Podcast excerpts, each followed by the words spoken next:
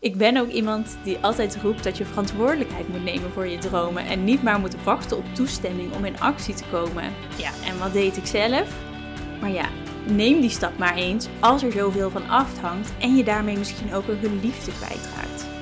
En toch was precies dat wat ik afgelopen zomer besloot. Je luistert naar Opgeruimd, de podcast jouw inspiratiebron op het gebied van opruimen, minimalisme, persoonlijke ontwikkeling, selfcare en rustig leven. Door middel van deze podcast wil ik jou inspireren om meer te leven met minder, in actie te komen voor je dromen en een leven te leiden dat joy sparkt. Heel veel luisterplezier.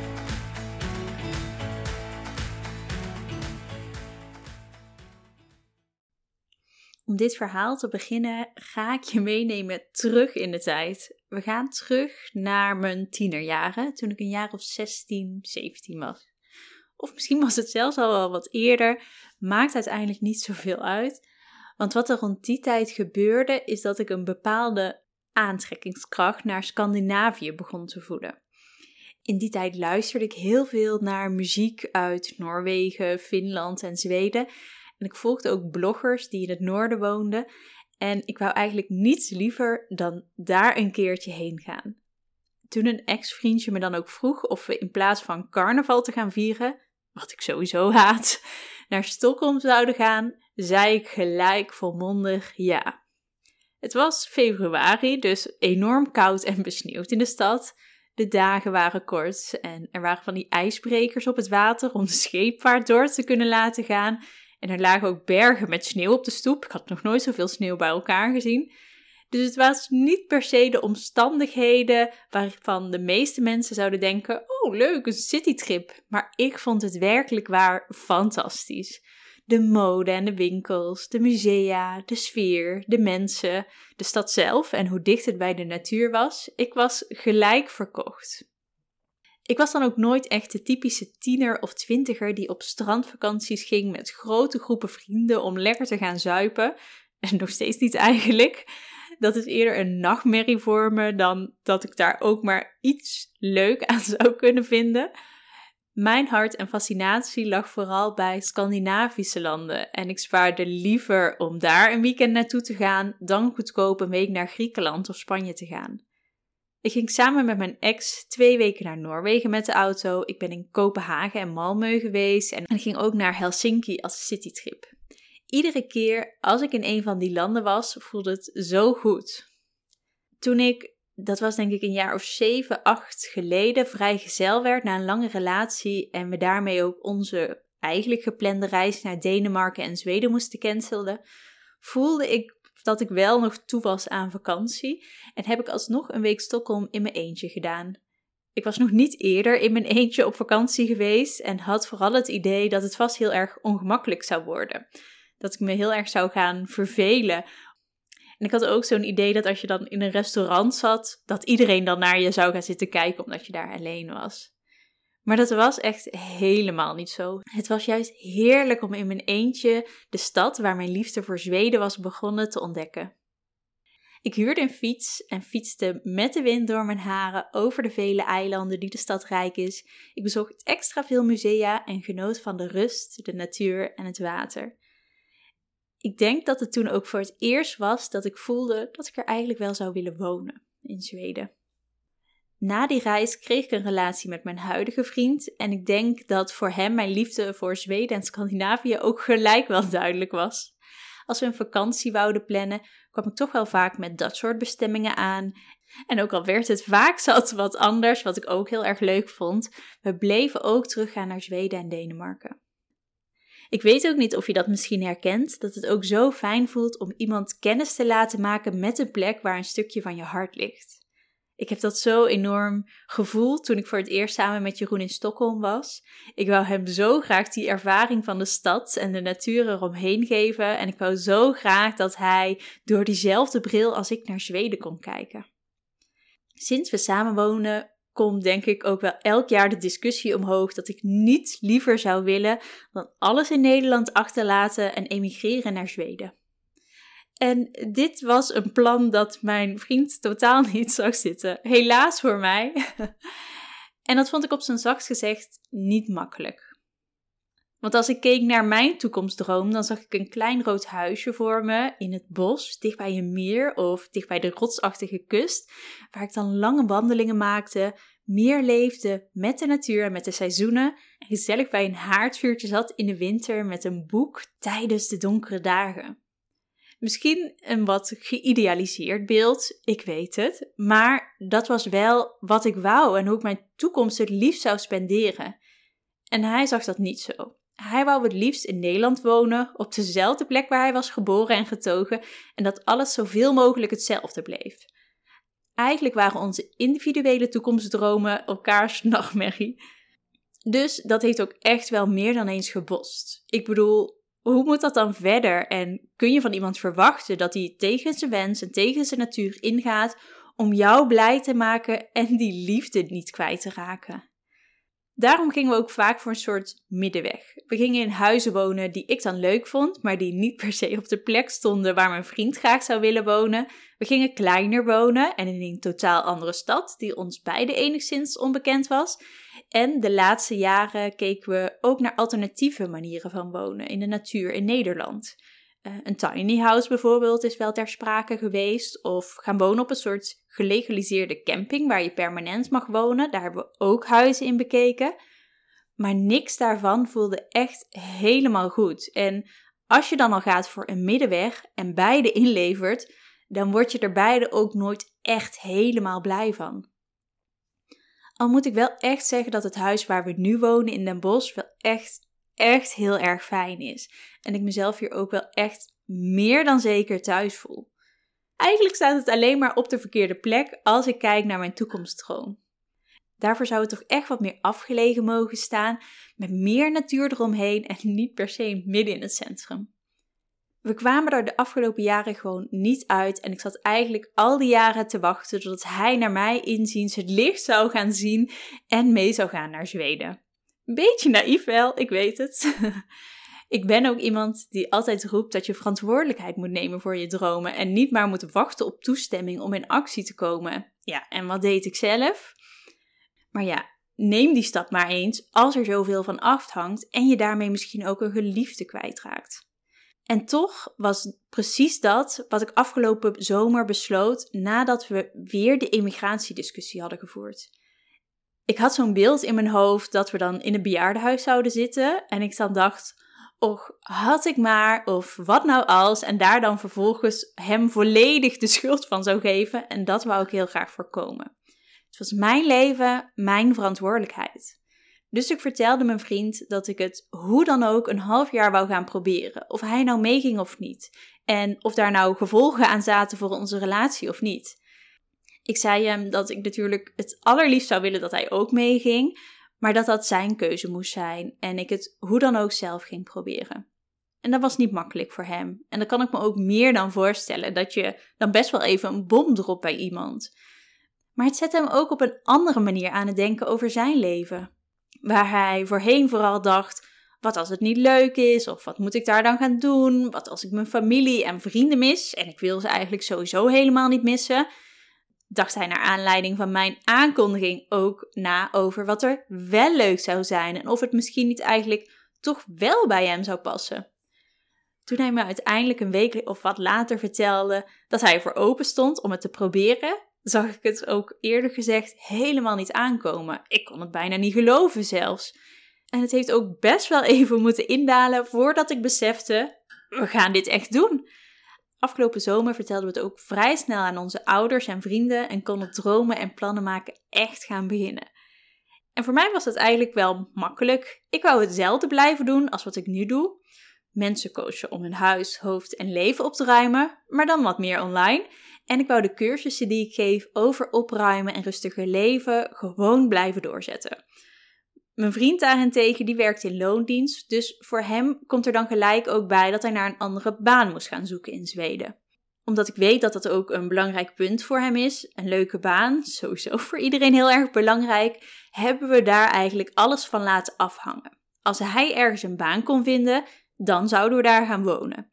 Als het maar niet noordelijker dan Stockholm zou worden. En zelfs eigenlijk liever niet richting Stockholm, omdat het zuiden slash zuidoosten van het land ons een hele fijne plek leek om te wonen. Zweden is sowieso een enorme land, hè? Van zuid naar noord is het zo'n 20 uur rijden. Dus we konden ook niet alvast zeggen: oh, we huren of kopen alvast een huisje en we zien dan wel waar je gaat werken. En ook omdat het zo dun bevolkt is, is ook niet op iedere locatie evenveel werk. Precies om die reden was het vanaf de zomer en tot nu toe eigenlijk nog steeds vooral wachten totdat hij ofwel een baan had, ofwel we op het punt zouden komen dat we iets tijdelijk zouden gaan huren tot hij daar een baan had gevonden. Naast het wachten totdat mijn vriend een baan had gevonden, stonden de afgelopen maanden ook vooral in het teken van wachten tot het koopproces van ons eigen huis in Nederland was afgerond. Want echt, uh, dat proces, begin er niet over. In eerste instantie we ons huis eigenlijk al na onze vakantie in september te koop zetten. Maar omdat ik niet tevreden was over de foto's die waren gemaakt en daarin de sfeer van ons huis totaal niet overkwam, moest dat allemaal opnieuw na onze vakantie. Dan gaat er toch weer wat tijd overheen voordat we daadwerkelijk op Funda staat natuurlijk. En dat vond ik sowieso ook best wel een ding. Dan wordt het ineens heel definitief. En aangezien ik ons huis ook echt fantastisch vind en ik het liefst het hele huis zo mee zou verhuizen, voelde het ook mega dubbel. Enerzijds had ik natuurlijk het supermooie vooruitzicht om eindelijk naar mijn geliefde Zweden te verhuizen en in de natuur te gaan wonen.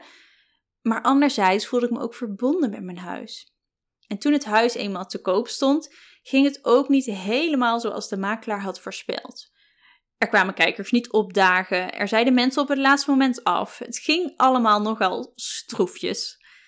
En ik bleef er echt wel vertrouwen in houden hoor. Ons huis is namelijk echt een plek waar je verliefd op kan worden. En ik was er ook van overtuigd dat we geschikte kopers gingen vinden die enorm van dit huis gingen houden. Maar het ging ook weer niet zo soepel als je tegenwoordig van iedereen hoort en wat we hadden meegekregen van de makelaar.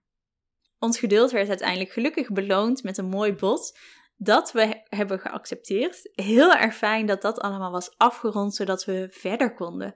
Maar dat komt pas echt ook wanneer het financieringsgedeelte van de kopers rond was natuurlijk. En dat is tot twee keer toe uitgesteld geweest. En ze waren ook al ergens afgewezen, dus we voelden beide het vertrouwen een beetje wegstromen.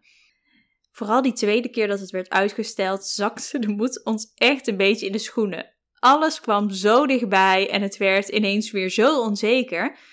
We waren van plan om in maart al naar Zweden te gaan, omdat in april de overdracht zou zijn.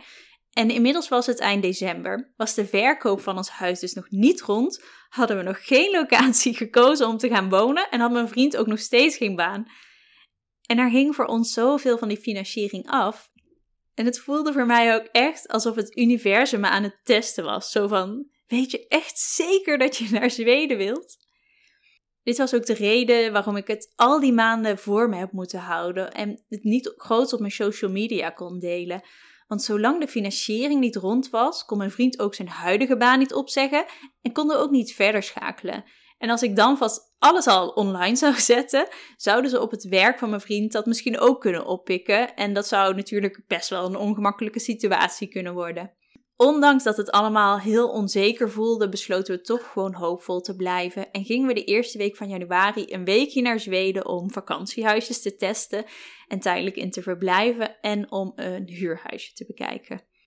En zo mooi, alsof het zo had moeten zijn, kregen we ook daar te horen dat de financiering rond was en ons huis nu dus ook echt verkocht was. Zo'n opluchting. En een van die huisjes waar we in verbleven was ook zo mooi en fijn en knus dat we voornamen om dat huis voor in ieder geval twee of drie maanden te huren. En mijn vriend vanuit daar werk zou gaan zoeken. En mocht dat dan toch aan de andere kant van het land zijn, dat we dan gewoon nog een keer zouden verhuizen in Zweden zelf. Nou, en ook dat weer alsof het zo had moeten zijn. Ook in diezelfde week dat we in Zweden waren, kreeg mijn vriend een uitnodiging voor een sollicitatie bij een bedrijf in Stockholm voor de week na onze vakantie. Dat vakantiehuisje waar ik het net over had, waar we tijdelijk wouden gaan wonen, bevond zich op zo'n vijf uur rijden van Stockholm. Dus we besloten om nog maar eventjes dat gesprek voor de zekerheid af te wachten. En toen ging dat ineens heel snel. Er kwam een tweede gesprek, een opdracht, een derde gesprek en er werden referenties gecheckt. We wachten nu nog steeds, en ook alweer, op een ja of een nee op zijn sollicitatie, totdat we echt knopen kunnen gaan doorhakken. En dat is waar we nu staan. We weten dat we begin maart, dat is over minder dan anderhalve maand, naar Zweden gaan verhuizen. En dat is ook gelijk het enige wat we nu weten. We hebben nog geen huis, geen locatie of regio, mijn vriend heeft nog geen baan. Maar we gaan hoe dan ook begin maart en sowieso voor 1 april, want dan is de overdracht van ons huis. En dat voelt ergens best wel eng en spannend, maar kijken vooral met veel vertrouwen en heel veel zin naar uit. Ik zeg heel vaak: komt goed. Of dat moet wel goed komen. Of dan komt het goed. Mijn klanten zullen dat beamen. Dat is ook heel erg hoe ik in het leven sta. Want het komt ook altijd goed. Zelfs als het niet goed komt, dan komt het uiteindelijk ook wel goed. Of het komt niet goed en dat is dan ook goed. Ik heb er dan ook vertrouwen in dat het allemaal wel op zijn plek gaat vallen en het allemaal wel gaat lukken om op tijd woonruimte te regelen en dat mijn vriend ook echt wel binnenkort een leuke baan heeft. En of dat nou gelijk in maart zo is of anders in augustus of november, het komt sowieso goed. Dat voel ik aan alles. Ik hoop dan ook dat ik de volgende keer dat ik een podcast hierover maak, of de volgende update die ik op Instagram kan geven, is dat we een heel fijn huurhuisje hebben gevonden om al dan niet tijdelijk in te wonen, of dat mijn vriend een fijne baan heeft gevonden, zodat we snel het huispunt kunnen gaan aftikken. Ik heb op mijn Instagram aan jullie gevraagd of jullie vragen hebben over mijn plannen om te emigreren naar Zweden. Ik denk dat ik er gaandeweg al heel veel heb beantwoord en dat het wellicht ook niet helemaal het antwoord was dat je verwachtte, want nee, we hebben geen huis gekocht en ook niet gehuurd. Ik kan je ook niet vertellen hoe het eruit gaat zien en ik kan je ook niks vertellen over de regio. Het voelt soms echt alsof ik in een slechte Ik Vertrek aflevering zit. Ik hoor de voice-over ook al helemaal zeggen: dit zijn Merel en Jeroen. Ze gaan emigreren naar Zweden. Over iets meer dan een maand is het al zover. Ze weten alleen nog niet waarheen en hebben nog niets geregeld. Wat we in ieder geval wel weten en voor ogen hebben, is dat we een huis ergens dichtbij of in de natuur willen hebben. Op een afstand van maximaal één uur van een stad in verband met werk. En we willen niet noordelijker dan Stockholm gaan zitten. Hoe het er daadwerkelijk allemaal uit gaat zien, laat ik jullie weten zodra ik het zelf ook weet. Ik heb een aantal vragen uitgekozen om nu in QA-vorm te beantwoorden. Misschien heb je naar aanleiding van deze aflevering trouwens ook wel weer nog meer vragen. En dan kun je ze in de QA-sectie achterlaten als je dit op Spotify luistert. En mocht je via een ander kanaal luisteren, dan mag je dit ook altijd via DM op Instagram doen. Je kan me daar vinden door te zoeken op @netthuis. Dan neem ik jullie vragen mee in de volgende aflevering over dit proces. Want echt, ik weet zeker dat er nog wel veel meer emigratie-updates zullen volgen de komende maanden. Een vraag die ik heel vaak kreeg is wat ik ga missen uit of aan Nederland. En eigenlijk kan ik daar niet echt iets op bedenken, eerder gezegd. Echt hoor, ik heb het hartstikke goed in Nederland, maar ik heb hier niet iets dat ik niet ergens anders ook zou kunnen hebben. Ik heb niet mega veel met de Nederlandse cultuur of met Nederlands eten of zo. En ben sowieso van mening dat alles overal bereikbaar is. Het is niet zo dat ik naar Nigeria ga verhuizen of, of wat dan ook. Dus in veel opzichten is Zweden denk ik ook wel vergelijkbaar met Nederland. Ik ga denk ik wel missen dat alles zo dichtbij is in Nederland. Een supermarkt is vaak niet meer dan 20 minuten, of dat nou met de auto of lopend is, van je verwijderd, waar in Nederland je ook bent. En dat geldt niet alleen maar voor supermarkten zo, maar voor eigenlijk alles in Nederland. Het is best wel lekker makkelijk allemaal, zeg maar. Wat je ook wilt, ligt aan je voeten. Al zien we dat in Nederland niet altijd zo en zijn we daar ook wel ongeduldig in. In Zweden zijn die afstanden veel groter en het is ook dun bevolkter, dus daar heb je dat allemaal wat minder. Ik merk ook van de keren dat ik in Zweden ben geweest dat je meer moeite moet doen om te leven als het ware.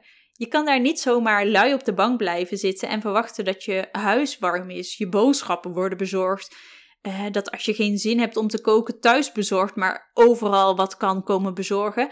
En er elke dag een pakketdienst op je stoep staat, bij wijze van spreken.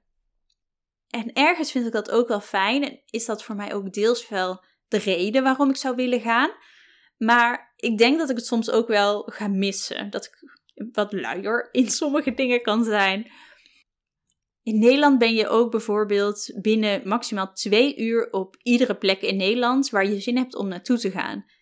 En dat is ook in Zweden natuurlijk wat minder. Het is een andere infrastructuur en ook een ander klimaat, wat daar natuurlijk ook weer dingen in met zich meebrengt.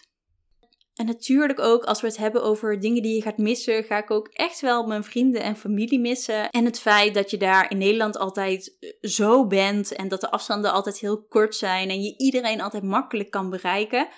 Maar dat is ook iets wat ik accepteer. Ik denk dat er tegenwoordig genoeg manieren zijn om in contact te blijven met elkaar en dat we daar ook steeds meer aan gewend zijn geraakt met z'n allen. Ik zie het eigenlijk zelfs ergens als een soort toegevoegde waarde. Ik neem nu bijvoorbeeld nooit een uur de tijd om met mijn ouders te videobellen en bij te praten bijvoorbeeld.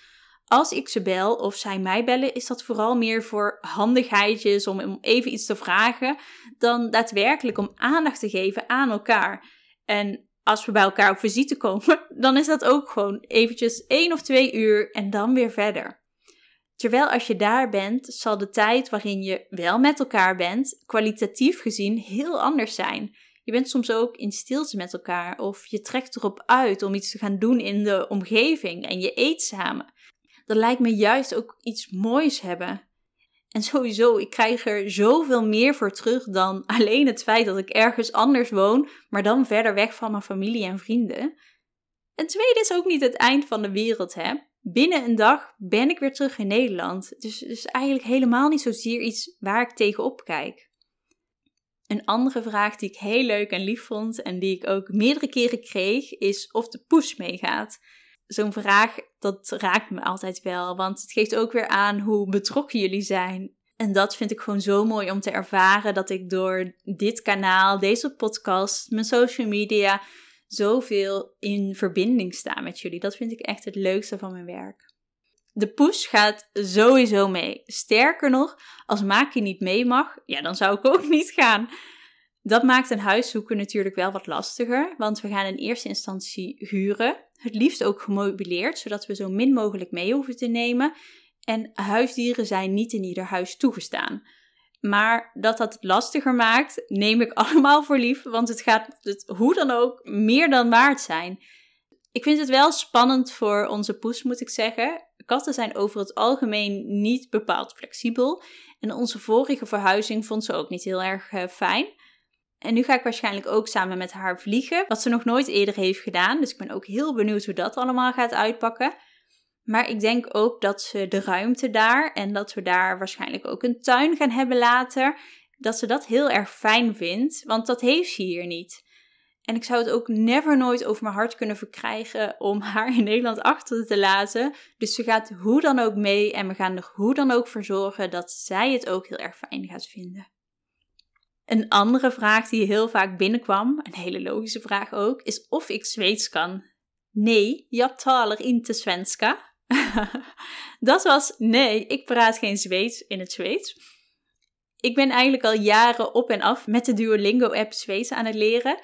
En we hebben afgelopen zomer ook een thuisstudie aangeschaft. Dus ik kan wel enigszins Zweeds. Ik ken best wel veel woorden, dus lezen lukt me eigenlijk best wel aardig. En ik luister ook naar een podcast en die speciaal voor mensen die Zweeds leren, waarin ze dan heel langzaam en met makkelijke woorden praten. Dat lukt me allemaal wel om dat te volgen. En als ik dan zo aan het oefenen ben, dan denk ik soms ook wel: wow, dat gaat best wel lekker. Ik kan supergoed Zweeds. Maar toen we een paar weken geleden daar waren en ze aan de kassa vragen of je een bonnetje of een tasje wil, dan sta ik wel echt even te kijken van, uh, wat zeg je precies? En kan ik ook niet zo snel op de Zweedse woorden komen, waardoor ik maar overga in het Engels.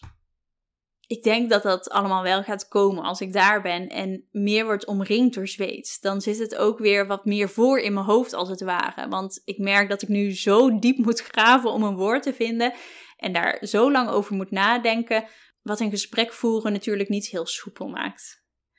Dus dit jaar gaat ook in het teken staan van Zweeds leren. Nog meer Duolingo, nog meer opzoeken wat woorden betekenen, films kijken en series kijken in het Zweeds of met Zweedse ondertiteling.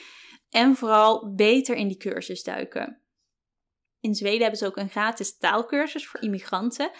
Ik denk ook dat ik mezelf daar maar voor moet gaan opgeven als we daar zijn. Want zo'n klasje geeft natuurlijk ook weer extra motivatie. Iets waar ik deze aflevering mee wil afsluiten is een inzicht dat dit hele proces mij heeft gebracht.